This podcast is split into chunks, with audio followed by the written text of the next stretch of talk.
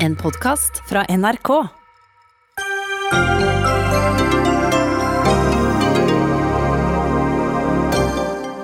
Erna Solberg brukte Jahn Teigens optimist egen landsmøtetale i dag. Men hvor optimist kan hun egentlig være før neste stortingsvalg? Dyrearter forsvinner i verden og i Norge, og vår klima- og miljøminister er kun en papirminister, sier MDGs nestleder. De to møtes til debatt. Det er uenighet innad i NHO om hva slags vilkår luftfarten trenger fremover. Samtidig permitterte Norwegian enda flere. Og Kirken bryter personvernopplysningene, mener Human-Etisk Forbund, som har klaget inn Den norske kirke til Datatilsynet.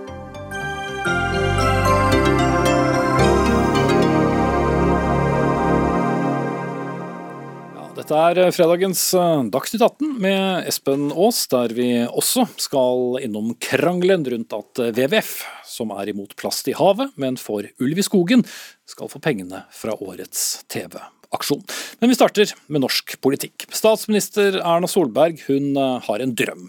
Ikke en Martin Luther King-drøm, men en Jahn Teigen-drøm, som i sangen 'Optimist', der det jo går bra til sist. Det er um, i kveld nøyaktig tre år siden Solberg forlot egen valgvake til trampeklapp og startet på en ny regjeringsperiode. Men noe borgerlig flertall på Stortinget fra 2021, ja det har sett dårlig ut på meningsmålingene lenge. Men um, statsminister Erna Solberg med oss fra um, landsmøtesalen på Gardermoen. Hvis det nå ikke skulle gå bra til sist, og du må flytte ut av regjeringskontorene om et år, er du da fortsatt partileder? Eh, ja da, for nå er jeg faktisk i dag valgt til å være partileder i to år til. Så eh, jeg blir jo fortsatt det. Og så får vi jo alltid vurdere hva det riktige eh, tidspunktet og hvordan ting vil se ut etter neste valg. Men utgangspunktet mitt er at jeg er motivert til å stå på. Og så er det viktig å si at Når jeg snakker om at jeg er optimist, så snakker jeg ikke om valget. Jeg snakker om det norske samfunnets evne til å komme gjennom de omstillingene som står foran oss. Mm. Fremskrittspartiet trampet jo ut av regjeringskontorene som vi husker på starten av året, og har jo ikke akkurat siklet etter noen gjentagelse. Har du noen kommunikasjon med Siv Jensen om en ny periode fra 2021 til 2025? Vi snakker om mange politiske saker. Vi har selvfølgelig kontakt med, med, Fremskrittspartiet. Det har jeg, det har statsråder. Vi har kontakter rett og slett fordi vi har mye felles gods som vi skal gjennomføre. Den plattformen som regjeringen styrer etter Granavolden, har også klare fottrykk fra Fremskrittspartiet, som vi også forsøker å gjennomføre på best mulig måte. Og så vet vi at de har fristilt seg i forhold til at de ikke vil støtte en regjering som de ikke selv er med i. Men også de står overfor de vanlige utfordringene. Skal du ha gjennomslag for dine politiske saker, så er det best å samarbeide med de som fører landet i en retning som du er enig i, og borgerlig politikk. Det har vi skapt i dette landet de siste syv årene, og det skal vi kunne gjøre sammen også med Fremskrittspartiet. Mm. Men uh, apropos presiseringen din om optimist, er du ikke så optimist når det gjelder uh, neste års stortingsvalg? Jeg mener det er veldig åpent. Jeg mener at Det er ikke langt fra at både KrF og Venstre er over sperregrensen. De har alltid vist god evne i å mobilisere i, i valg. I tillegg så skal vi alltid være ydmyke for velgerne, men vi har kampkraft fremover det neste året for å få våre saker på dagsordenen, snakke om de tingene som er viktigst. Men det er viktigst for meg å si at for meg dreier verden seg for øyeblikket nå om først og fremst det å bekjempe viruset, og det andre det er å sørge for at Norge kommer ut av koronakrisen på en måte som gjør at arbeidsplassene blir sikrere, at vi sørger for at vi har inkludert flere i arbeidslivet. Og Det er det politiske budskapet mitt til landsmøtet. Mm. En ting eh, som ikke er snakket om fra talerstolen på landsmøtet i dag, eh, er jo flyktninger fra Moria-leiren. Mange har vært opptatt av at 50 eh, ikke er nok. Hvor opptatt er du akkurat den saken? Altså, Vi henter jo 3000 kvoteflyktninger eh, hvert år. Det er en del av den enigheten vi har mellom de fire partiene som sto bak eh, regjeringen så langt. Det eh, er en kraftsatsing på å hente flyktninger rundt omkring fra verden i noen av de vanskeligste situasjonene. Eh, det er viktig at det er det tallet vi diskuterer, om det er 50 fra Moria eller andre steder. Det er viktig å si at det er de 3000 kvoteflyktningene. Det er rekord. Ingen regjering har hentet så mange kvoteflyktninger som det denne regjeringen gjør. Mm. Så det blir ikke noe ekstraordinær innsats for Moria, selv om situasjonen der nå er prekær pga. brannen? Men, eh, situasjonen er prekær i mange flyktningleirer rundt omkring i verden. Eh, den er prekær, som jeg har påpekt i dag, i Libanon.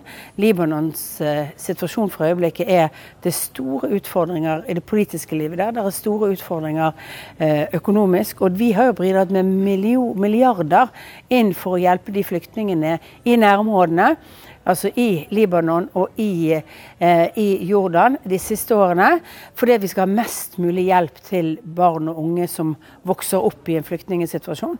Det er altså viktigst å hjelpe i nærområdene, men akkurat nå så er f.eks. Libanon et sted hvor det kan være vanskelig å få til hjelp i nærområdene, og at flere må kunne komme til Norge. Så vi skal ta ut kvoteflyktninger fra mange steder, og så skal vi ta imot noen asylsøkere fra, fra Hellas. da, og så skal vi behandle de og se om de blir flyktninger, eller om det er personer vi skal returnere tilbake. Mm. Og Det er viktig å huske i denne diskusjonen. Mange av de som er i, i Hellas for øyeblikket, de kommer fra land som det er lite sannsynlig at de vil få opphold i Norge. for at de de, de, er ikke flyktninger i utgangspunktet, men de kan bli, få flyktningstatus etter en asylbehandling i Norge hvis de fyller de kravene. Ja. Og det vet vi ikke i dag. Eh, når da folk eh blir såpass opprørt over at de syns tallet er så lite at de til og med melder seg ut av Høyre, som en ordførerkandidat fra Haugesund eh, har meldt at han eh, gjør i dag. Eh, forstår de ikke hvor mye bra regjeringen gjør for flyktninger? Jeg forstår et stort engasjement, men eh, jeg forstår ikke kritikken om at ikke vi gjør mye for flyktninger. Vi gjør veldig mye for flyktninger i denne regjeringen. Det er ingen som har bidratt med så mye penger til flyktningkatastrofer rundt omkring. Vi har hatt en kraftsatsing og hatt en lederrolle i arbeidet rundt Syria-flyktningene i nærområdene, men også at vi har tatt imot mange kvoteflyktninger de senere årene til Norge. Eh, og så skal vi alltid være Vi skal alltid ta imot noen kvoteflyktninger, for det vil være folk som ikke kan være de stedene det er. Men samtidig så er det sånn at vi hjelper flest mulig. Barn, unge, familier i krise. Ved å bruke pengene der vi får mest mulig, mulig igjen for det. Et av de områdene vi har sagt eh, at vi skal hente fra, er jo ut fra Rwanda. Etter at Rwanda tok på seg å hente mange av de som kunne kommet i en båt til Hellas f.eks. Istedenfor at de la ut på den, så tok de mange av flyktningene til Rwanda. Og vi lovet da skal vi hjelpe Rwanda med å hente noen av de til Norge. Det er en sammenheng i flyktningpolitikken. Jeg skjønner engasjementet for Moria, men sammenhengen i flyktningpolitikken er at vi må sørge for å hjelpe der hvor det er viktigst okay. til ethvert tidspunkt. Så til slutt. Grønt skifte og storstilt hydrogensatsing og rensing. Det var mye snakk om det både i din egen tale og de som kom etter deg på talerstolen eh, i dag. Man kunne jo nesten tro at du like så godt kunne fridd til MDG forut for eh, neste valg som til Fremskrittspartiet? Jeg opplever jo at mye av det jeg sa om miljøsatsing, nettopp var å vise en miljøpolitikk som virker. Fordi vi har en eh, næringspolitikk som også virker. Og det er sånn at vi får ikke til det grønne skiftet uten en næringspolitikk som virker. Det blir ikke ny miljøteknologi av røde tall i norske bedrifter. Derfor er det så viktig at vi gjør det andre. Og det er jo der mye av utfordringen med MDG ligger. De ligger ganske langt til venstre de, i den økonomiske politikken. og Derfor så vil ikke deres eh, klimapolitikk virke, mens vår faktisk virker. Ok, Da sier vi takk til deg, Erna Solberg, med oss fra landsmøtet på Gardermoen i en uh, noe begrenset koronautgave. Ja, Tone Sofie Aglen, politisk kommentator i VG. Det var et ganske selvsikkert Høyre vi så, en selvsikker statsminister i dag. Men hva slags tale var det egentlig Erna Solberg eh, holdt, tre år etter hun altså ble klappet inn som, eh, som ny statsminister og ett år igjen neste valg?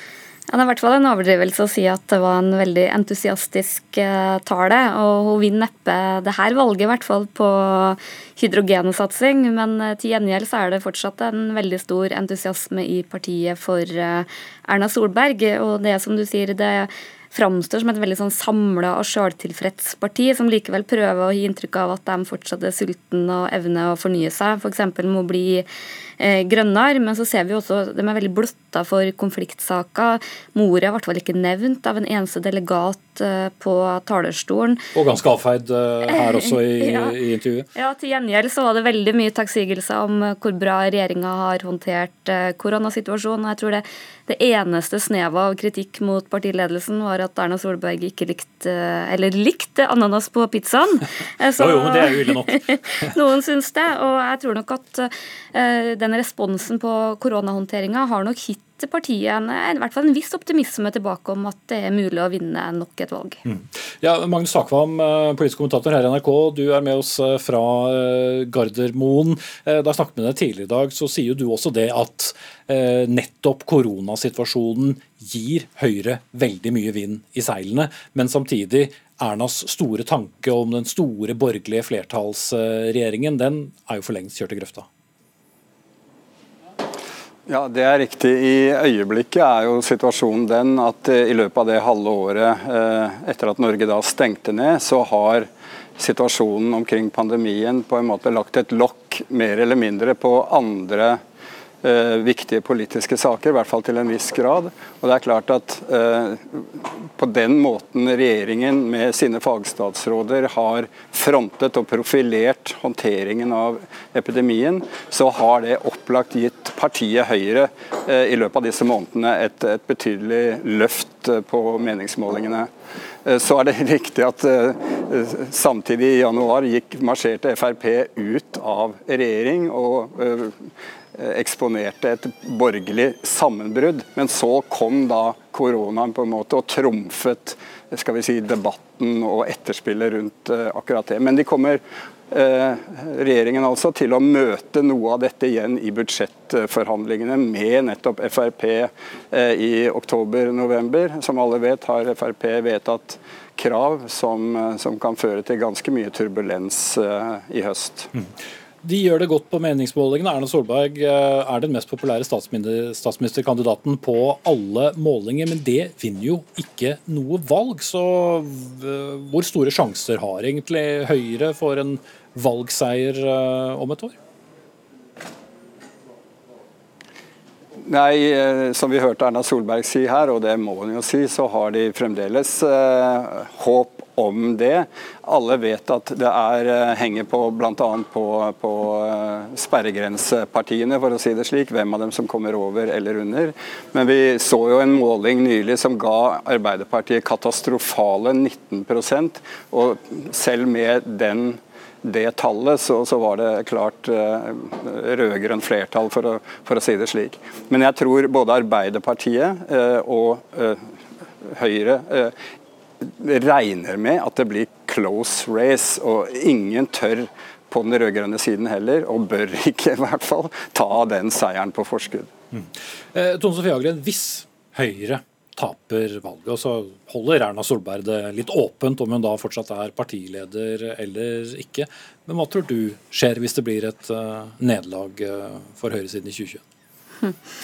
Jeg tror i hvert fall at uh, det skal bli noen litt sånn tunge år for partiet. For nå har de jo mange statsråder som må tilbake til Stortinget og oppleve at det er en betydelig fornyelse i partiet. Det er uh, nominasjonsstrider som seiler opp i, i, veldig mange fylker. Så det er nok et sånn sulten parti som fortsatt uh, føler at de har mye ugjort. Samtidig så er jo partiet også veldig tydelig på at de nå legger til rette for et generasjonsskifte. Tina Bru ble jo i dag valgt som ny nestleder. Henrik Asheim en annen som løftes fram. Så, så, det har vært veldig viktig for Høyre at de måtte, ikke har stagnert og liksom gått til den såkalte Stoltenberg-fella, hvor de satser på veldig mange av de gamle, solide, men hvor de også gir plass til en ny generasjon. Mm. Men Du skrev også en kommentar i dag. Er det virkelig dette som er høyresiden i Norge?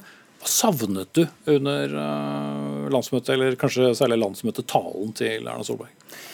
Nei, Det som er utfordringa til Høyre, eller det er kanskje en enda større utfordring til Arbeiderpartiet, er at uh, Erna Solberg har liksom bredda uh, Høyre veldig mot sentrum uh, og snakker veldig mye om inkludering. Har lagd liksom sin egen Erna Solbergske 'alle skal med', som gjør det veldig vanskelig å, få bilde av et litt sånn, litt sånn kalde kalkulatorpartiet som nok vil være skremmebildet fra fra venstresida. I tillegg så ser vi jo i hvert fall det nye programforslaget at det er ingen eh, tydelige kuttforslag, eh, ingen store nye reformer. Det er på en måte liksom et lønnlig håp om at det private næringslivet skal, skal, gå bedre enn offentlig sektor. Samtidig så er det også det som kanskje er Høyre sitt håp, om at de skal ha en høy troverdighet, ikke være en utfordrer av velferdsstaten, men samtidig være det partiet som har høyest troverdighet på å skape arbeidsplasser og ta landet ut av en økonomisk krise. Mm. Moria-leiren til slutt, eh, Magnus eh, Takvam. Eh, det var, som vi har vært inne på flere ganger, ikke tema der. På landsstyremøtet til Kristelig Folkeparti derimot sa Kjell Ingolf Ropstad at han gjerne skulle hentet ut flere. Men er det en særlig problematisk sak for, for statsministeren? Arbeiderpartiet er jo på samme linje. Altså, eh, For Høyre isolert sett så er det ikke et stort internt eh, opprør. Men ingen kan jo helt vite i, i slike uh, saker som kan utvikle seg uh, på en måte som, som, på en måte virkelig gjør det vanskelig å ikke gjøre enda mer enn man gjør i øyeblikket. Vi får se. Men det er opplagt et press i KrF og Venstre i denne saken. Eh, noe av problemet er jo dersom man skal hente flere flyktninger, så vil det måtte bli også en eh, budsjettsak, en sak i Stortinget. Eh, med disse 50 trenger man ikke å gå til Stortinget og få på en måte et formelt vedtak, for man tar det innenfor kvoteflyktningpotten. Og da man, møter man Frp i døra. Så det er en konflikt som Erna Solberg veldig nødig vil ha. Men som du sier, så tyder jo det meste på at eh, det flertallet som er i innvandrings- og flyktningpolitikken på en måte mellom Arbeiderpartiet, Høyre og eh, Senterpartiet og for så vidt Frp, gjør at det ikke er, i hvert fall i øyeblikket, konturene av et flertall for å gjøre noe veldig mye mer. Politisk balansekunst som alltid. Takk til Magnus Akvam, politisk kommentator og politisk kommentator i VG, Tone Sjøglen. Hør Dagsnytt 18 når du vil. Radio NRK Radio.nrk.no.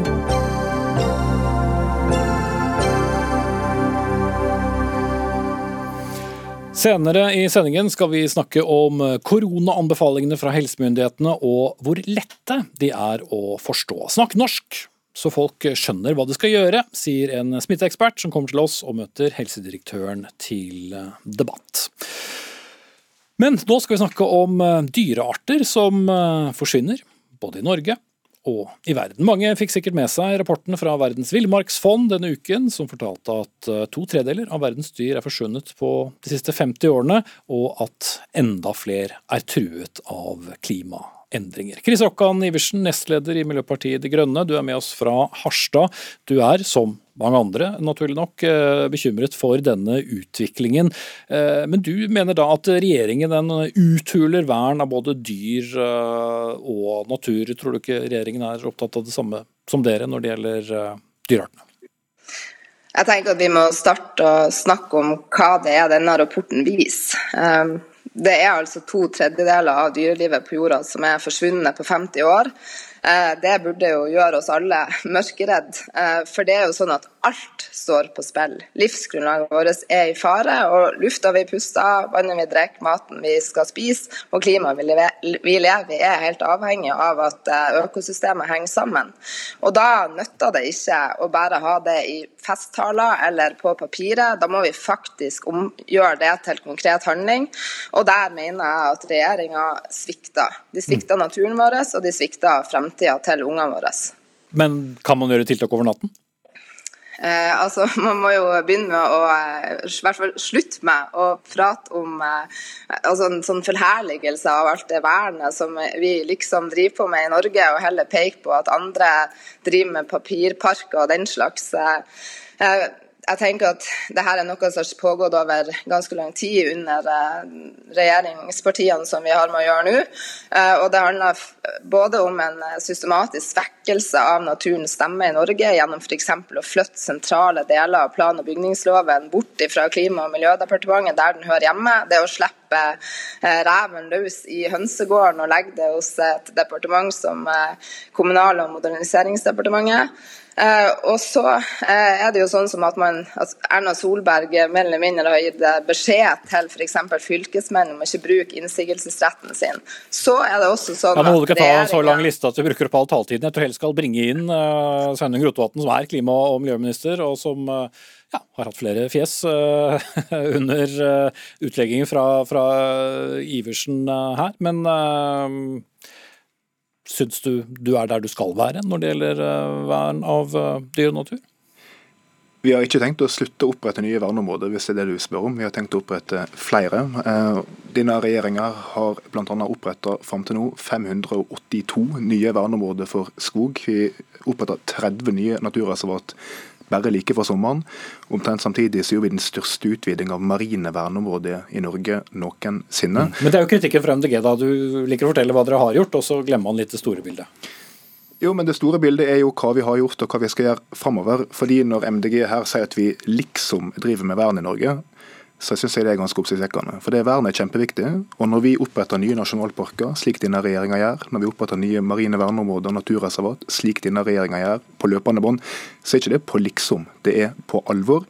Fordi der bor det sårbare dyrearter, plantearter, som trenger et vern mot menneskelig inngripen. Så Det den rapporten som i utgangspunktet for denne debatten her viser, og det er en svært alvorlig rapport, er at den jobben her må intensiveres. Både i Norge og i andre land, fordi vi har ingen dyrearter å miste. Vi må stoppe klimaendringene, og vi må ta bedre vare på naturen. Mm. Og Der er dere i hvert fall enige, Iversen. Men hvis jeg har forstått eh, en del av kritikken din riktig, så går det mye også på næringspolitikken i, i regjeringen, og at uh, næring går, går foran uh, natur. Men eh, er det da Rotevatn som er synderen? Det er jo snakk om at den regjeringa som Rotevatn representerer, eh, helt systematisk bygger ned naturpolitikken i Norge. Naturpolitikken er rødlista i det norske politiske systemet. Og Jeg ga jo eksempler på hvordan man helt ville har eh, gjort type, den type endringer som svekker naturvernet. Og Så har vi jo lang rekke eksempler på hvordan man i tillegg velger å overkjøre egne fagmyndigheter i saker der naturhensyn settes opp mot miljøinteresser interesser, og der fagmyndighetene ikke blir hørt. Der kan vi snakke om Trænarevet, eller Repparfjorden og Førdefjorden, eller iskantsona, som jo er et eh, skrekkens eksempel. Og da er litt poenget mitt at hvis du snakker om verneområder, det er jo for så vidt vel og bra, men hvis det er sånn at naturen ikke har vern i hverdagen, så er det høyst problematisk. Og da kan vi jo også se på hvordan man har eh, nærmest ikke bare liksom eh, gitt åpning for det, men nesten heia på at kommunene skal bygge ned natur, gjennom f.eks. frislipp for dispensasjoner i strandsoner, eller bygging av motorveier der det ikke skal være, eh, eller generell rasering okay. naturarealer. naturarealer. Ja, altså, jeg deler i høyeste grad MDG sitt engasjement for natur, men med respekt å melde så er det her som nå kommer av kritikk, en haug med løse påstander. Når det blir sagt at vi systematisk bygger ned, som vi her får høre, vern om naturen, så er det rett og slett ikke sant. Tvert imot så styrker vi naturens plass i lovgivninga. Vi oppretter nye verneområder på løpende bånd. Vi legger mer vekt på natur, bl.a. i den saken som her ble nevnt om iskantsona, der vi altså ga 56 000 kvadratkilometer med sårbart havområde et sterkere vern, ja et totalvern mot petroleumsaktivitet, som det ikke hadde før. Det er ikke å gå i feil retning sett fra et miljøperspektiv, det er å men, gå i riktig retning. Men enkelte av fagmyndighetene da mente dere kunne vernet mer? Det er helt riktig. Det var fagmyndigheter i den saka og i andre saker som mener at regjeringa kunne gått enda lenger i å verne og lagt enda mer vekt på miljøverdier. Og Det har de jo av og til rett i, sett fra mitt perspektiv som venstrepolitiker. og Det er grunnen til at jeg driver valgkamp og har tenkt å gjøre det neste år også for Venstre. Fordi dette er politiske beslutninger. Og Vi trenger politikere som er opptatt av klima og miljø i slike saker. Både i kommunestyrene, som eh, Chris Rokkan har nevnt, og også på Stortinget og i regjeringa. Jeg er en av dem. Jeg er dypt engasjert i dette her, og jeg mener at regjeringa tar Norge i riktig retning. Verner mer, tar bedre vare på naturen. Og jeg er glad for at MDG også deler det engasjementet. Mm. Er det noe du er fornøyd med, Iversen? Eh, jeg vil jo helst snakke om hva vi må bli bedre på. For å holde på å peke på hva alle andre gjør feil, og snakke om naturkriser som noe som pågår et annet sted, det kommer ikke til å hjelpe oss med å redde livsgrunnlaget vårt. Vi er nødt til å starte med å feie for egen dør, og vi har utrolig mange ting som har gått i feil retning under den sittende regjeringa, og også under Rotevatn. Eh, og når vi skal snakke om, hva, om, hvordan man har levert på naturpolitikk i Norge, så kan vi bl.a. se på Artsdatabanken sin eh, liste over rødlista arter i Norge, eh, som jo er fasiten, som sier om dere har lyktes med å eh, få på plass en naturpolitikk som faktisk tar vare på naturen og livsgrunnlaget vårt, istedenfor å fortsette å sette den i fare. Mm. Og den fasiten viser jo at utviklinga ikke går i rett retning. Lomvibestanden Lomvi-bestanden den er jo da blitt redusert med 80% på noen få tiår. Er det hva, hva kan man gjøre? Vi må gjøre mer i Norge når det tar vare på natur. Men vi må også gjøre mer internasjonalt. Fordi Et av de store truslene mot naturmangfoldet, og det viser den rapporten som er bakgrunnen for denne diskusjonen, er klimaendringer. Eh, og Klimaendringene, som truer både lomvi og andre viktige arter av både fugl og dyr, oppe i nord særlig, de eskalerer. De er ikke på retur. og Derfor trenger vi en tøffere kamp der. Der er jo Norge da det første vestlige landet, det første industrialiserte landet som har lova FN at vi skal kutte mer i klimagassutslippene våre. Vi lover mer. Og utslippene har også gått ned her i fire år på rad og skal halveres fram mot 2030. Så vi må gjøre mer i Norge, jeg er helt enig i det, men vi må også gjøre mye mer internasjonalt. for da og bare på den måten kan vi sikre norsk natur som sådan. Mm. Da setter jeg strekk for denne debatten, og så takker jeg Chris Rokkan Iversen, nestleder i Miljøpartiet De Grønne. Og så skal Sønne Grotevatn få bli sittende.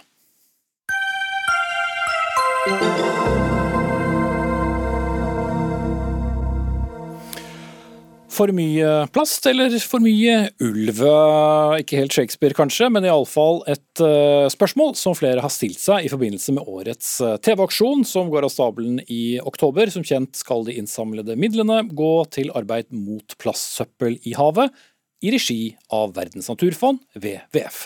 Det samme WWF som vi for så vidt akkurat snakket om, og det samme WWF som også har gått hardt ut mot felling av ulv, og sågar gått til retten for å få uh, dette stanset. 20 kommuner har til nå sagt at de vil boikotte TV-aksjonen. Flesteparten har Senterpartiordførere. og Det har fått deg Sveinung Rotevatn til å si at eh, Senterpartiordførerne gjør alt til eh, rovdyrpolitikk. Men Kari Heggelund, ordfører i mm, Åsnes kommune i eh, Innlandet. Det er vel også riktig at rovdyrpolitikk er veldig viktig for veldig mange Senterpartiordførere? Ja, det er, det er, viktig for mange, men det dreier seg jo egentlig om forvaltning av naturen. Hvem hvem skal vi forvalte naturen, hvordan skal dette gjøres, og verdigrunnlaget til de som bor i kommunen vår. Men uh, i din kommune, da, hvorfor gikk flertallet av uh, kommunestyrerepresentantene inn for å boikotte årets TV-aksjon, som jo ikke handler om ulv? Nei, Det er jo fordi at man jeg tror man har behov for å bli hørt og markere at dette er ikke greit. Det er vanskelig å samle penger og bruke frivillig tid og ressurser. Det er snakk om speidergrupper, det er snakk om virkelig frivillige viktige personer i lokalsamfunnet vårt som har sagt at jeg vil ikke bruke tida mi på å jobbe for den organisasjonen, som jeg møter da motstand hos i andre felter. Mm. Ja, Sveinung Bråtvatn, det var altså du som klarte å erte på deg da, en del ordfører ordførere med, med din uh, uttalelse. Men står du fast ved at de gjør rovdyrpolitikk ut av det aller meste? Ja, jeg gjør det fordi TV-aksjonen går ikke til rovdyrpolitikk. TV-aksjonen i år den er viktig, og den går til kampen mot plast i havet. Det er slik at Hvert år savner 8 millioner tonn plast i havet. Det er et kjempeproblem. Jeg var sjøl ute og rydda strender tidligere i veka, og det du finner der er ikke et pent syn. og Det kommer fra Norge, men det kommer fra hele verden. Formålet med årets CV-aksjon er å sette i gang en storstilt innsats for å rydde opp plast i havet og for å forbedre avfallshåndteringssystem, særlig i Asia. Det er det en tar stilling til når en velger om en skal gi og delta på årets CV-aksjon eller ikke. Det er selvsagt helt frivillig. Hvis du mener at WWF gjør en dårlig jobb i det å samle inn penger mot plast i havet, ja vel, så ikke delta. Men, hvis, du, men hvis du syns dette er viktig, da syns jeg faktisk at du skal delta, selv om du er medlem i Senterpartiet. Og det håper jeg at eh, ordføreren her og de 15 andre Senterparti-styrte kommunene som nå boikotter, vil tenke over en gang til. For jeg håper så mange som mulig vil være med i denne viktige miljøkampen. Mm. Men når den samme organisasjonen står eh, helt på andre siden av spekteret i da en viktig sak som f.eks. Eh, rovdyr, hvis du, eh, Det ble et dårlig eksempel som jeg tar, tar på farten, da, men selv om en, eh, en, bensinstasjon har eh, kjempegode boller, så har du kanskje ikke lyst til å kjøpe dem fordi det samme oljeselskap som eier dem, har forurenset Det var et veldig dårlig bilde. Men altså, det er to, det er to motsetninger her, i alle fall. Ja, ja, ja. Stryk det. Ja, det, det, er godt med boller og alt det andre for kjøpt på bensinstasjoner. Men eh, jeg tror en poenget mitt er følgende. Eh, det er slik at vi har rovdyr i norsk natur. Eh, og det er heldigvis slik at tap av beitedyr og så videre til norsk natur har blitt halvert de siste ti åra. Det er bra. Og så skjønner jeg at rovdyrpolitikken vekker engasjement. Jeg har stor forståelse for at mange er engasjert i den.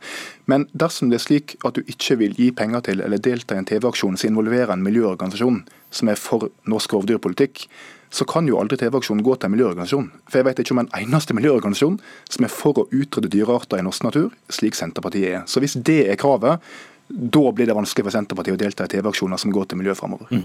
Ja, Heggelund, det er ikke noe sånn at uh, det får noe å si for rovdyrsaken om WWF får mer penger til å bekjempe plast i havet?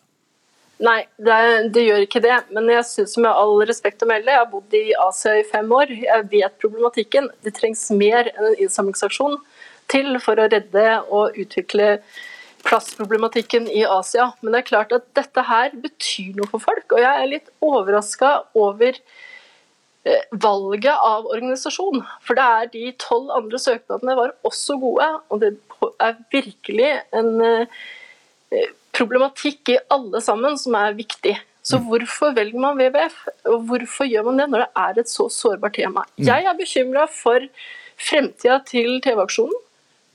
Er det slik at kommunene skal eh, gå inn og bestemme hvem som skal ha TV-aksjonen? Men nå er det slik, for første gang siden 1974 er det flere som gjør dette her. Og Moskenes har ikke ulv. Moskenes lever av og for havet. Jeg oppfordrer Rotevatn til å komme hit, da. Hvorfor er det så motstand? Som minister så må man være interessert i å se på dynamikken på hvorfor det nå er så mye motstand rundt dette her.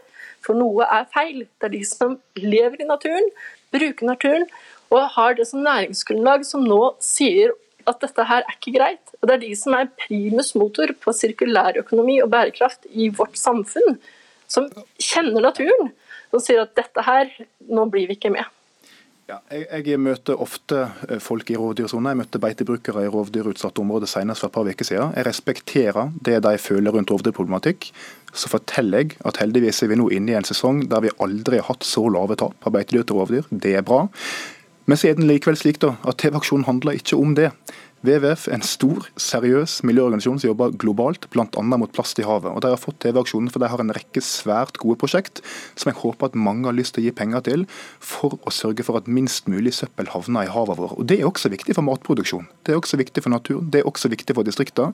Så jeg håper innstendig at mange av disse kommunene her som boikotter, vil tenke over det en gang til. Jeg tror ikke det er lurt. De velger selvfølgelig sjøl, men jeg kommer i alle fall til å delta i TV-aksjonen, for jeg er opptatt av å bekjempe plast i havet. Det er regjeringa også også. Og jeg tror at de aller, aller, aller fleste i Norge er det, og jeg er glad for å få muligheten til å gi også i år. Mm. Har du tenkt å revurdere standpunktet? Nei, demokrati er demokrati, og det, slik er det her. Mm. Og Du stemte uh, egentlig for, gjorde du ikke det? Men så snudde du da det ble flertall i kommunestyret? Nei, jeg stemte for, uh, for at vi skulle gjennomføre TV-aksjonen, fordi at jeg er bekymra for TV-aksjonens fremtid. Så for meg er det prinsipp. Kommunen skal jobbe for frivillighet. Men så ble jeg nedstemt. Slik er det. Og det er ikke Senterpartiet alene som står for dette her. Vi har dog flere ordførere enn det Venstre har, og må kanskje fronte dette her i flere kommuner. Men det var Arbeiderpartiet, Frp, Pensjonistpartiet og Senterpartiet. Senterpartiet og Arbeiderpartiet var begge delt. Så avfei dette her som en sånn Senterpartipolitikk, det er eh, skivebom. Okay. Da setter jeg strekk. Takk skal dere ha begge to. Kari Heggelund, ordfører i Åsnes for Senterpartiet altså. Sveinung Rotevatn, klima- og miljøminister fra Venstre.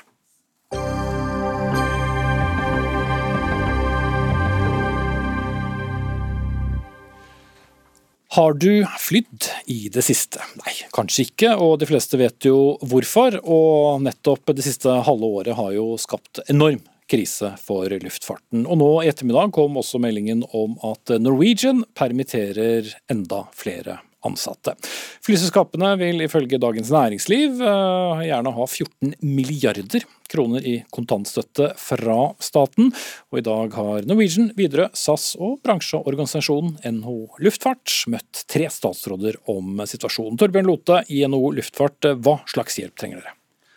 Ja, Vi trenger hjelp som virker, og det betyr at vi trenger ytterligere avgiftslettelser for å kunne gjenoppbygge norsk luftfart mot det det var, eh, og som en motor i å utvikle næringsliv, verdiskaping og velferd i Norge. Og så trenger vi, så langvarig som denne pandemien nå blir, så trenger vi faktisk en kontantstøtte på linje med det resten av norsk næringsliv har fått. Mm. Men kommer flybransjen eh, til å bli som den var i overskuelig fremtid? Nei, det vil nok ta tid, og det vil nok kanskje ikke bli helt det samme, men det vil bli en ny normal. Den ligger kanskje to-tre år foran oss, eh, men da må vi sørge for at vi har en norsk luftfart som er en del av den nye normalen, og som kan ivareta de behovene vi har i Norge. Vi reiser mye med fly, ikke fordi vi syns det er veldig morsomt, men fordi det er viktig og nødvendig både for næringslivet og for folk flest. Mm. Næringsminister Iselin eh, Nybø fra Venstre, du er med oss på, på linje, så det får ta på dere hodetelefonene, mine ærer. Eh, hvordan kan dere hjelpe flybransjen? Altså For det første så har jo regjeringen eh, iverksatt ulike tiltak som er til stor hjelp og nytte for, eh, for flybransjen. Eh, vi har permitteringsregelverket, vi har denne garantifasiliteten som kom på plass ganske tidlig. Vi har kjøpt ruter.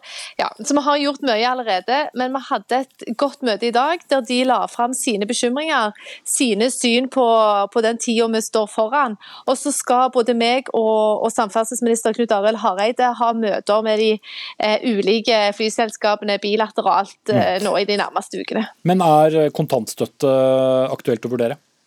Altså, Jeg er opptatt av at vi ikke må utelukke noe, fordi at eh, vi står foran en vanskelig periode for luftfarten. Samtidig så er jeg òg opptatt av å ikke skape for store forventninger. For vi disponerer jo ikke egne penger, men, men folket sine penger. Og vi må jo selvfølgelig vurdere nøye hva hjelp som vi skal gi, og hvordan den best mulig kan innrettes. Men eh, da må vi òg ha dialog med flyselskapene, og det oppfatter jeg at vi har eh, god dialog med. Mm. Du er eh, næringsminister og næringslivets eh, statsråd, men du er nå også Venstre-politiker. Bør vi se en tilsvarende luftfart- og flybransje på andre siden av koronaen, eller det, ser du på dette som en mulighet for å redusere Eh, altså dette, ja, det er klart. Eh, vi, vi, kommer til å måtte fly eh, fortsatt i dette landet. Vi har et langstrakt land, og, og, mange av oss er helt avhengige av fly. Samtidig så er det nok òg mange som har fått øynene opp for de digitale løsningene, som gjør at man tenker seg litt mer om nå. Er det nødvendig å reise til Oslo på et møte som varer i en halvtime eller et par timer? Kan vi ta det på telefon? Kan vi ta det på video? Både for å spare miljøet, men òg for å spare tid og, og penger penger. Mm. Ikke for uh, høye forventninger, uh, Lote, eller som ikke kan, kan innfris. Men uh, hvor, hvor, prekært er det? Hvor lenge kan dere vente på en avklaring? Nei, nå, nå, har jo vi illustrert eh, hvor mye flyselskaper faktisk har tapt. Eh, og Det dreier seg så langt faktisk om 15 milliarder kroner i omsetningstap. Og det blir enda mer når året er omme. Så, så tallene som Dagens Næringsliv trykket på, på 14 milliarder er ikke så langt unna? Det, Nei, det er ikke langt unna, fordi det er en illustrasjon på hva man står igjen med av kostnader som man ikke får, får dekt i en sånn situasjon. Men, om, eh, men, man kan jo diskutere hva som er fornuftige bidrag fra statens side. og Det som er viktig her, er at man etablerer virkemidler så man sikrer at man har en oppegående luftfart når det her en gang er over, og at man sikrer at man har en konkurransedyktig norsk luftfart. For ellers blir man feid av banen i en konkurransesituasjon der andre selskaper ute i Europa er blitt skodd med statsstøtte og, og ulike typer bidrag. Senest for noen dager siden så fikk Alitalia to milliarder i kontantstøtte. Eh, og De kan når som helst begynne å fly andre plasser i Europa hvis de måtte ønske det. og Da må vi ha en oppegående norsk luftfart. Det dreier seg om arbeidsplasser og kompetanse og en god transportstandard i Norge og ut av Norge. Mm. Øystein Eriksen Søreide, du er administrerende direktør i Abelia, som altså er NHO det også, men Forening for kunnskaps- og teknologibedrifter. Bør vi se den samme luftfarten i fremtiden som vi så før koronakrisen? Nå vil sikkert min gode kollega lure på hva han skal med fiender når sånne, venner, sånne, sånne venner ja. som meg. Eh, for vi mener jo at eh, vi har lært gjennom koronasituasjonen at vi kan klare å fly mindre. Som statsråden også var inne på, det er mulig å gjøre andre vurderinger. Og jeg er nokså sikker på at vi kommer til å gjøre det. Så er det veldig lett å se at fly, luftfarten nå er i en veldig spesiell situasjon. Jeg tror de har veldig gode grunner og har behov for det de ber om. Men vi må også omstille oss til en ny virkelighet, og den kommer til å innebære at vi, vi flyr mindre. Mm. Så da får det heller bare gjøre vondt akkurat nå for uh, som, selskapene og, og permittering så, Som sagt, jeg har stor forståelse for at man er i en prekær situasjon, at man ikke kan snu dette over natten. Men jeg tror både luftfarten og alle bransjer og, og leverandører rundt må, må, innstille seg på at, at dette blir annerledes. Og vi, vi, har snakket om dette i flere år fra Belias side. Vi, konkret har vi gått inn for at statsansatte bør kunne redusere sin reiseaktivitet med la oss si 25% i løpet av et par år. Ja. Mm. Eh, og det offentlige er en veldig viktig kunde i luftfarten. Eh, Lotte. Ja, nå tror jeg faktisk det offentlige har godt av å reise litt ut i landet en gang iblant. det. nordlendinger ser jo at han staten må komme litt mer ut og se hva det egentlig dreier seg om. Så det tror jeg faktisk kan være ganske fornuftig noen ganger for statlige byråkrater å gjøre. da. Også, men jeg er ikke uenig i det at nye digitale løsninger kan endre litt på samhandlingsmønsteret. Men det vi har sett, det er jo at det faktisk også stimulerer mer aktivitet. Og flytrafikken har jo økt jevnt og trutt i Norge den de siste åra, også når nye videoløsninger og digitale løsninger kom på plass. Men at man må omstille seg, det er helt åpenbart. Men noen reduksjon på en firedel i statsansatte, det, det, tror jeg er helt eh, urealistisk. og Da er det nesten litt sånn planøkonomisk at man bestemmer seg for at man skal fly 25% mindre. Det er ikke, det er ikke helt uh, rimelig å, å, si. Eh, at man skal, Det som er viktig, det er at man skal fly når man har behov for å fly, og så kan man ikke fly når man ikke har behov for å fly. og så får hver enkelt virksomhet virksomhet vurdere når det er nødvendig. Og Noen ganger så er jeg enig, så kan det være fornuftig faktisk å bruke digitale løsninger. Teams fungerer bra, det, men i noen sammenhenger fungerer det også dårlig. Mm. Eh, Nybø, hva tenker du om, om forslaget på eh, en, en, kutt i antall flyreiser i offentlig sektor på 25% Jeg er ganske sikker på at det er mange som er har et, har et, kutt på 25 i år, eh, kanskje til og med mer enn 25 I vårt departement så er det vel eh, politisk ledelse som er de som står for mesteparten av reisene rundt omkring i landet. Og Jeg tror vi kommer til å se en nedgang i flyreiser òg blant statsansatte, nettopp fordi vi har fått en annen måte å jobbe på. Men vi, vi vet jo òg at vi av og til har behov for å se hverandre, for å møte andre folk i landet. Altså De som jobber hos meg med f.eks. frihandelsavtaler. Ja, du kommer langt på Teams, men når forhandlingene virkelig drar seg til, da er det greit å kunne se folk i øynene. Så ja, det er potensial for å fly mindre, men eh, så lite som vi flyr nå, det tror jeg de fleste ser at nok ikke er Det er ikke den umiddelbare framtida. Vi skal nok litt opp. Sørede. Ja, Det er potensialet for å fly mindre også i staten. 'Fly me to the moon', sier eh, synger Frank Sinatra. Og statsansatte reiser 780 ganger tur-retur måneden i året. Eh, så det er, eh, det er et potensial for å reise noe mindre. Og vi ser jo at vi alle representerer et næringsliv som også vil bidra til en nødvendig omstilling av Norge til et bærekraftig Norge. Klimautfordringen er helt reell, og jeg tror vi alle ser at det å redusere reiseaktivitet vil kunne være selvfølgelig ikke det eneste, men et viktig bidrag til også å, å adressere den utfordringen. I tillegg til økonomiske bilder, selvfølgelig. Ja, for det skulle jeg til å si, fordi Bedriften du representerer er vel også en, vil i så fall være en vinner dersom man brukte mer tid på, på, nettopp teknologi eh, fremfor å møtes fysisk. Flere av våre medlemmer leverer selvfølgelig teknologi som gjør dette mulig, og det, det er kjempebra. Samtidig vil også mange av våre medlemmer, konsulenter og andre, kunne rammes av en omlegging i luftfarten. Så dette er ikke svart-hvitt. og uh, Vi tror vi skal gå skrittvis frem. Det er vi helt enige om at her, her kan man ikke bare skru av en bryter over natten, men at vi må gå i denne retningen. og at Jeg opplever også at luftfarten absolutt er opptatt av å omstille seg, ta i bruk ny teknologi osv. Så, videre, så så jeg tror vi går i den, den riktige retningen. Mm. Men eh, altså, Ingen kan jo se inn i fremtiden. Akkurat nå er det jo som å se ut bakvinduet i en, en bil som kjører full fart, hvordan dette her skal uh, være. Men faren for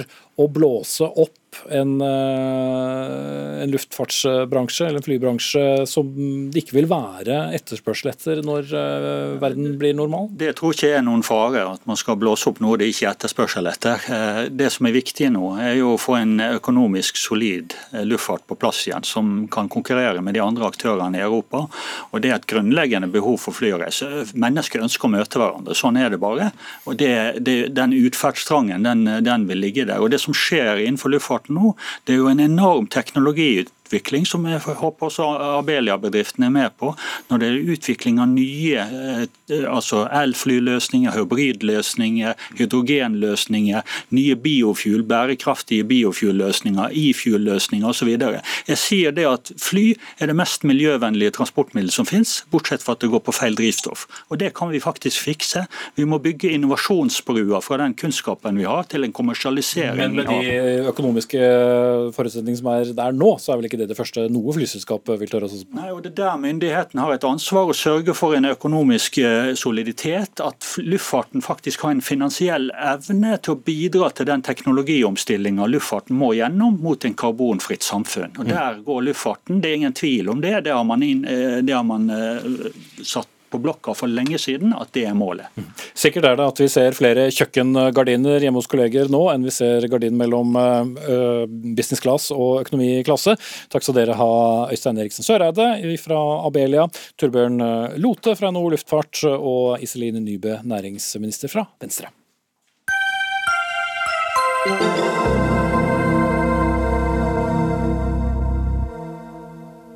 Human-Etisk Forbund anklager Den norske kirke for å bryte personvernopplysningsloven ved å registrere udøpte barn uten å, uten å informere foreldrene om det. I oktober 2018 mistet Kirken tilgang til folkeregisteret da ny folkeregisterlov trådte i kraft. Og Human-Etisk Forbund mener da at Kirken burde slettet registrene over nettopp udøpte barn. Og, men det er likevel en feil å hevde at Kirken gjør dette bak foreldrenes rygg, svarer Trygve Jorheim i Vårt Land denne uken. Registrering av barn som det som heter tilhørige i Den norske kirke, er nemlig regulert i kirkeloven. Det er mye å forholde seg til her. Lars Petter Helstad, politisk og internasjonal sjef i Human-Etisk Forbund. Enda et svar kommer på denne kronikken, og du sier han gjemmer seg bak denne kirkeloven. Hva betyr det? Nei, det, det, er riktig at kirkeloven krever denne registreringen av udøpte barn. Eh, men eh, GDPR-regelverket, som også gjelder som Altså personvernloven? Som er personvernloven, felles europeisk eh, regelverk som er tatt inn i norsk lov, det pålegger også Kirken å informere de som er registrert etter kirkeloven, og innhente samtykke fra foreldrene til disse barna. Mm. Ja, Trygve Jorheim, du har allerede nevnt, men du er da kommunikasjonsdirektør i KA, som er arbeidsgiverorganisasjonen for kirkelige virksomheter. Så du eh, registrerer sånn sett ikke Den norske kirke, da, men arbeidsgiverorganisasjonene.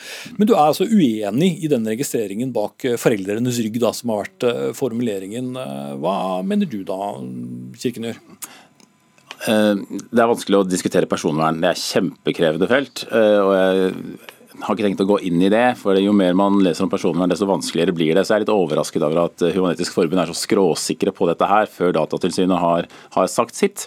Eh, mitt eneste her er, både profesjonelt og, og privat. Profesjonelt sett så, så, er, så, jobber jeg med det jeg gjør. Det er en veldig teknisk sak, dette registeret. Det er nesten ingen andre enn Human-Etisk Forbund som, som, forholder seg til det. Eh, selvfølgelig Kirken selv, da. Og, og, det er nesten ingen som vet noe om det. Eh, og historien om dette i det offentlige, den er jo da fortalt av Human-Etisk Forbund gjennom mange år nå. og Den historien den handler da om at som han skrev, da, at man har registrert barn bak foreldrenes rygg.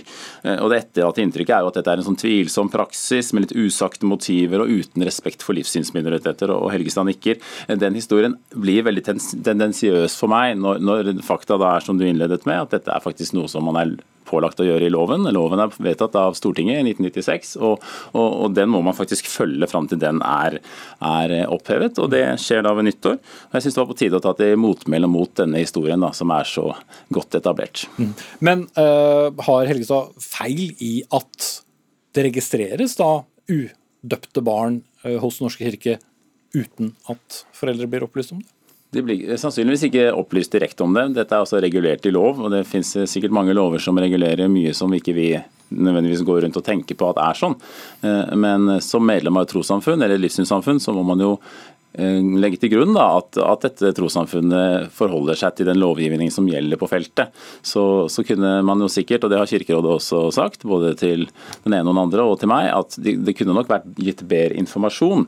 Men, men, denne historien om at dette gjøres bak noens rygg, man kunne sagt uvitende, og så var det mer åpent. Men, men den her bak foreldrenes rygg skaper jo en, en lite konstruktiv ja, Nå ble det kanskje mer semantisk jo, ja, jo, nei, men, men, Poenget er at det blir et etterlatt inntrykk av at her gjør man noe som er shady og, og tvilsomt. Og, og, det er det faktisk ikke grunnlag for når man faktisk bare følger loven. Men har det noen praktisk konsekvens at uh, Kirken vet hvilke barn som er uh, født, men ikke døpt?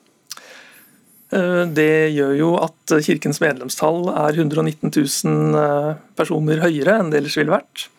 Eh, det er også en konsekvens ved at noen av disse foreldrene får tilsendt informasjon fra kirken, reklamemateriell for ulike aktiviteter osv., som de ikke ønsker å ha. Og jeg er gjerne i de tilfellene de har oppdaget at barna deres plutselig har stått registrert i kirken uten at de har visst om det selv. Og Det oppleves invaderende for mange av de som tar kontakt med oss. da. Mm. Gjorde jeg.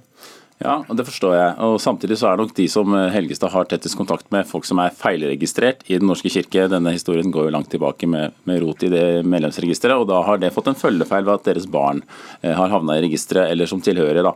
Og Det skjønner jeg jo at de blir oppbrakt over, men det er, da er ikke problemet med tilhørigordningen. Da er jo problemet at det medlemsregisteret har en eh, veldig brokete historie som man har forsøkt å, å rydde opp i. Jeg vet ikke hvor den saken står nå, men, men det, er ikke, det, er ikke, problemet er altså ikke tilhørighetsregisteret. Det er to forskjellige saker? Det er to forskjellige saker, og det tror jeg han er enig om med meg òg. Ja, det er både og. Det er jo også foreldre som, hvor én står i den gamle statskirken, og én ikke er medlem i noe, eller er medlem hos oss eller et annet sted, eh, og som har valgt å ikke døpe barna sine, har tatt et veldig aktivt valg eh, når de har gjort det.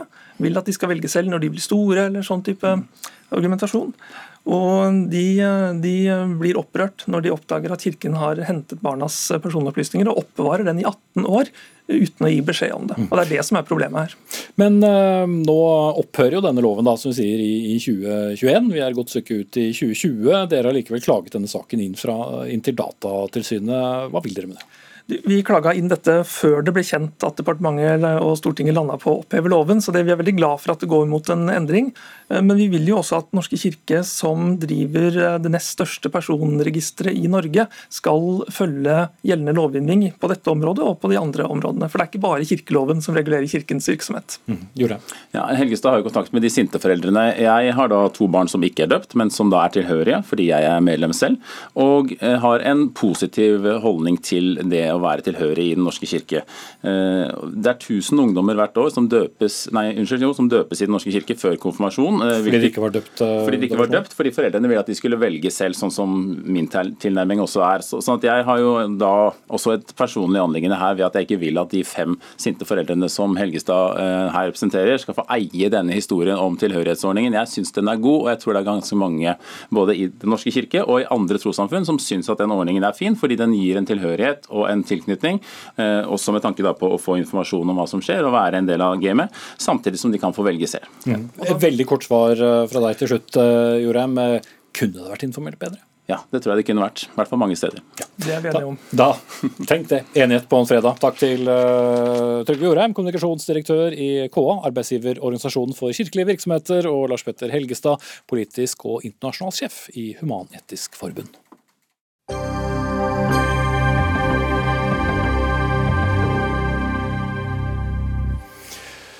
Vi eh, kan vel si det sånn at eh, vi ofte snakker om informasjon fra myndighetene i disse koronatider, hvis det fortsatt er eh, lov å si. Men disse anbefalingene som vi har eh, diskutert eh, opp og ned mange ganger, er diffuse. Ja, det skriver i hvert fall smittevernekspert Ørjan Olsvik i VG i dag. Han etterlyser en tydelig språkbruk som alle forstår. Og Olsvik, gårsdagens pressekonferanse om koronasituasjonen fikk det til å renne over for deg, forteller du. Du er ellers professor i medisinsk mikrobiologi ved universitetet Universitetet i, i Tromsø. Hva, hva, fikk det til å renne over?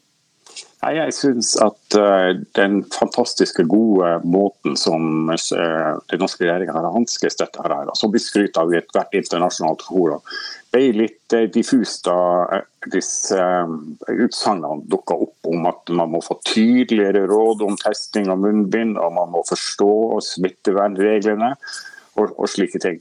Eh, og En del av de settingene som store som regjeringa la ut på sitt, eh, sitt nettverk eh, i dag, eller var vel i går da, om at regjeringen vil ut smittesituasjonen gjøre en ny vurdering av muligheten for å åpne arrangementet med inntil 600 personer til stede samtidig, fordelt på kohorter på inntil 200 personer. Det går vel an å si det skal være to ledige seter mellom hver.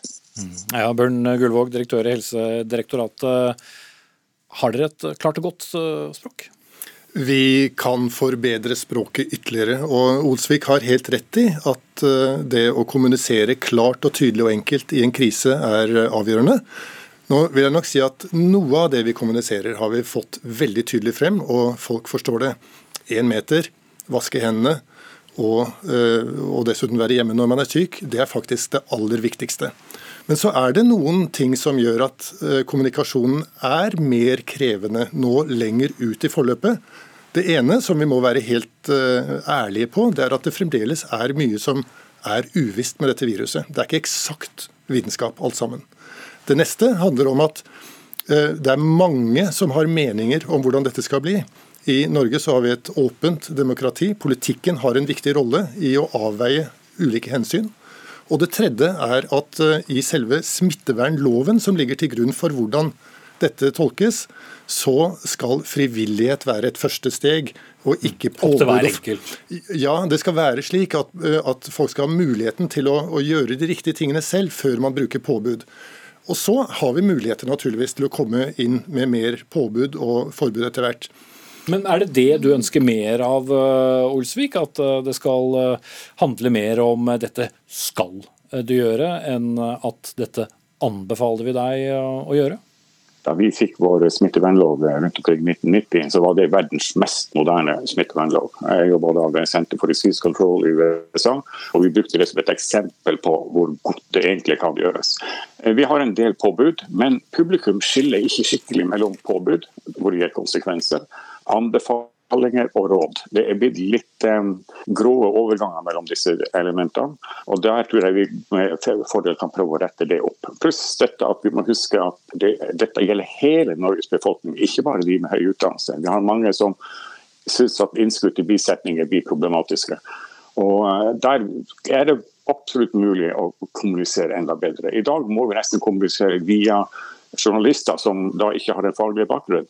Men som sagt, eh, alle tiltak som har vært gjort, alt det arbeidet som har vært gjort, har vært noe av det beste vi kan tenke oss i denne utbruddssituasjonen. Og vi får masse positiv kreditt fra USA, bortsett fra én ting som jeg de siste, har fått, de siste dagene har fått mange negative henvendelser på. Det er hvorfor foreslår Norge Trump til Nobels fredspris. Helt uforståelig. Det er en kommunikasjonssak, det òg.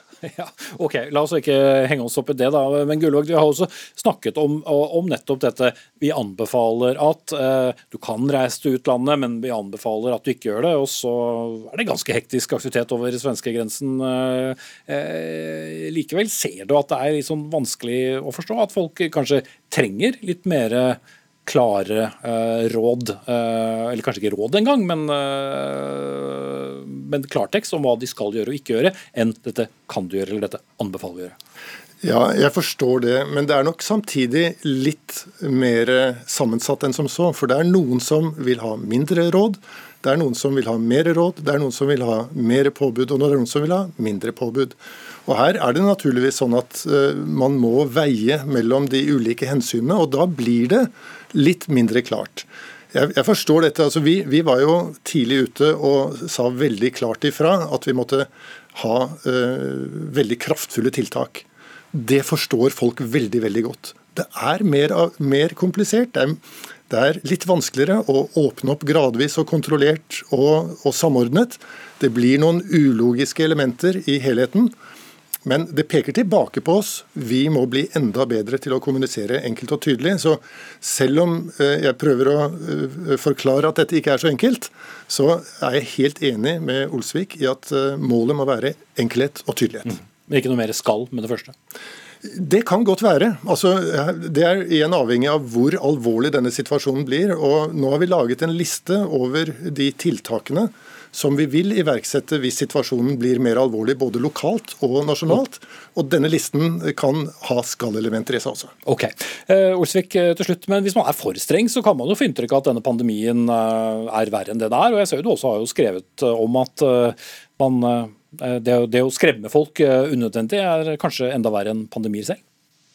Det er absolutt rett. Vi skal unngå bruk av maktmidler så lenge som overhodet mulig.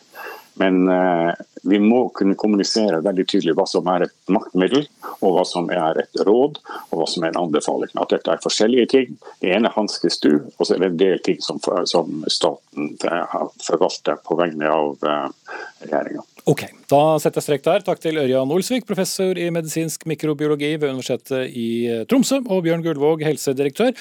Og hvis jeg hadde sagt nå at vi kan avslutte sendingen, så hadde jo ikke det blitt så greit. Så vi skal avslutte sendingen. Lisbeth Sellereite tok seg av det tekniske. Ann Katrine Føhle var ansvarlig. Jeg heter Espen Aas, og jeg tror jammen meg vi tar helg. Vi skal faktisk ta helg.